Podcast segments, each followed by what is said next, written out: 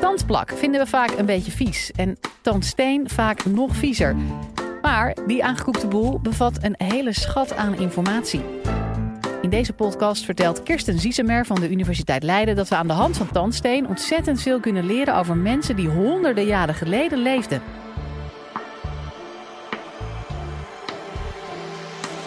Live vanuit Club Air is dit de Universiteit van Nederland. Als moleculair archeoloog haal ik biomoleculen uit het verleden uit dit tandsteen. Biomoleculen zijn DNA en eiwitten. Maar eerst moet ik jullie misschien vertellen waarom ik biomoleculen nodig heb. Dat is om als archeologie en als archeoloog wil ik onderzoek doen naar volkeren, mensen uit het verleden. Ik wil achterhalen wat zij aten, of zij gezond waren, of zij ziek waren. En als zij dan ziek waren, wat voor ziektes hadden zij dan? Volken uit het verleden lieten niet altijd bronnen voor ons achter om dat te interpreteren. Ze hebben we ander materiaal nodig. Dat materiaal dat kan um, biologisch materiaal zijn. En er zijn vier verschillende soorten die veel in de archeologie worden gebruikt. Ik wil graag beginnen met jullie wat vertellen over mummies. Mummies zijn geweldig. Ze hebben al hun zachte weefsel nog, dus ze hebben nog hun huid, organen zijn nog intact. Maar mummies zijn ook heel zeldzaam. Ze komen alleen op bepaalde plekken voor in de wereld en ze zijn ook niet in alle tijdperken te vinden. Zoek naar ander materiaal. Botten. Ja, botten komen overal ter wereld voor. Maar we hebben geen informatie meer over dat zachte weefsel. Ja, en we willen toch echt wel informatie over dat zachte weefsel om wat meer te weten te komen over deze volken van vroeger. Dus dan heb je gefossiliseerde menselijke poep. Ontzettend vies? Nee hoor, ontzettend interessant. Uit deze poep kunnen we namelijk ontzettend veel informatie halen over wat mensen aten. Maar ook deze poep is ontzettend zeldzaam en niet overal te vinden. Gingen we op zoek naar nieuw materiaal. En dat nieuwe materiaal dat is tandsteen. En tandsteen is echt geweldig. Wist je dat, je dat we pas sinds de Tweede Wereldoorlog onze tanden regelmatig poetsen? Voor die tijd hadden mensen vrij veel tandsteen. Dat is handig voor ons, want we hebben echt flinke brokken tandsteen beschikking. Tandsteen is opgebouwd uit verschillende laagjes. Je hebt een laagje en dat mineraliseert. En dan komt nog een laagje op. En je kunt die laagjes zien als een soort vangnet. Alles wat je door je mond gaat, dat kan in dat vangnet terechtkomen. Van het eten dat je eet, tot de bacteriën die bijvoorbeeld via je mondholte verder gaan. Bijvoorbeeld de kipnuggets die je net gegeten hebt. Ja, als je je even laat zitten en niet je tanden poetst, dan kan ik over een paar honderd jaar zien dat jij kipnuggets gegeten hebt. Dus je eten blijft plakken. En die laagjes die worden al opgebouwd tijdens het leven. Mineraliseert al tijdens het leven. Wat vinden wij als archeologen dan terug? Wij vinden skeletten terug. En deze skeletten die hebben dikke plakken tand, uh, tandsteen. En wat gaan we daarmee doen? Het DNA eruit halen. Het is helemaal beschermd. Eigenlijk alles wat je ziet van mij als ik aan in het lab aan het werk ben, zijn mijn ogen. Dat is niet om mij te beschermen tegen de bacteriën die in het materiaal zitten, maar dat is om het materiaal te beschermen tegen mijn DNA en het DNA uit de omgeving. We gebruiken ook veel bleek, veel UV-licht, zodat het materiaal beschermd wordt. In het lab gaan we dat harde tandsteen zacht maken. Dat doen we door er chemicaliën bij te, bij te gooien. Deze chemicaliën die maken het tandsteen zacht en daarna doen we er nog meer chemicaliën bij en dan kan je het DNA eruit halen. Nadat het DNA in die oplossing zit, kunnen we het DNA gaan vertalen. Daarna kunnen we verder gaan kijken naar die vragen die we als archeologen hebben.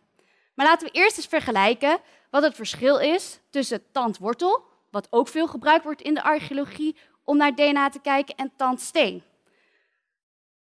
Tandwortel heeft namelijk maar duizend cellen per milligram materiaal beschikbaar.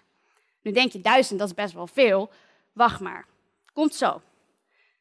Dan qua DNA, er zit 0,1 tot 8 procent DNA in tandwortel van het DNA wat je daar verwacht, menselijk DNA. Oké, laten we nu gaan kijken naar tandsteen. Tandsteen heeft 200 miljoen cellen per milligram aan materiaal. Ja, superveel meer dan dat tandwortel dus. En ook qua DNA, 60 tot 80 procent van het DNA wat in tandsteen zit, is het DNA wat het hoort te zijn. Wat is dat DNA dan? Nou, een hele mooie sterrenhemel. Ja, dat is niet zomaar een sterrenhemel. Dit zijn gloeiende bacteriegenomen. Kan dus ook gewoon op jullie tanden voorkomen. Dus die 60 tot 80 procent DNA uit tandsteen zijn voornamelijk bacteriën. Er zitten ontzettend veel bacteriële genetische informatie op ons tandsteen en in, onze, uh, in het tandsteen.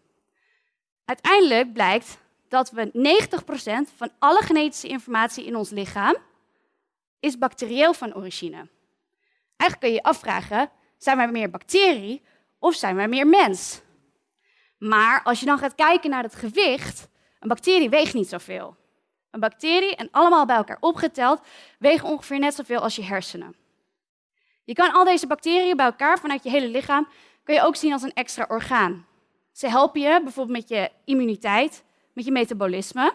Dus het is echt een extra orgaan. Vandaag kijken we specifiek naar de bacteriën in de mondholte, dus daar wil ik jullie ook wat meer over vertellen.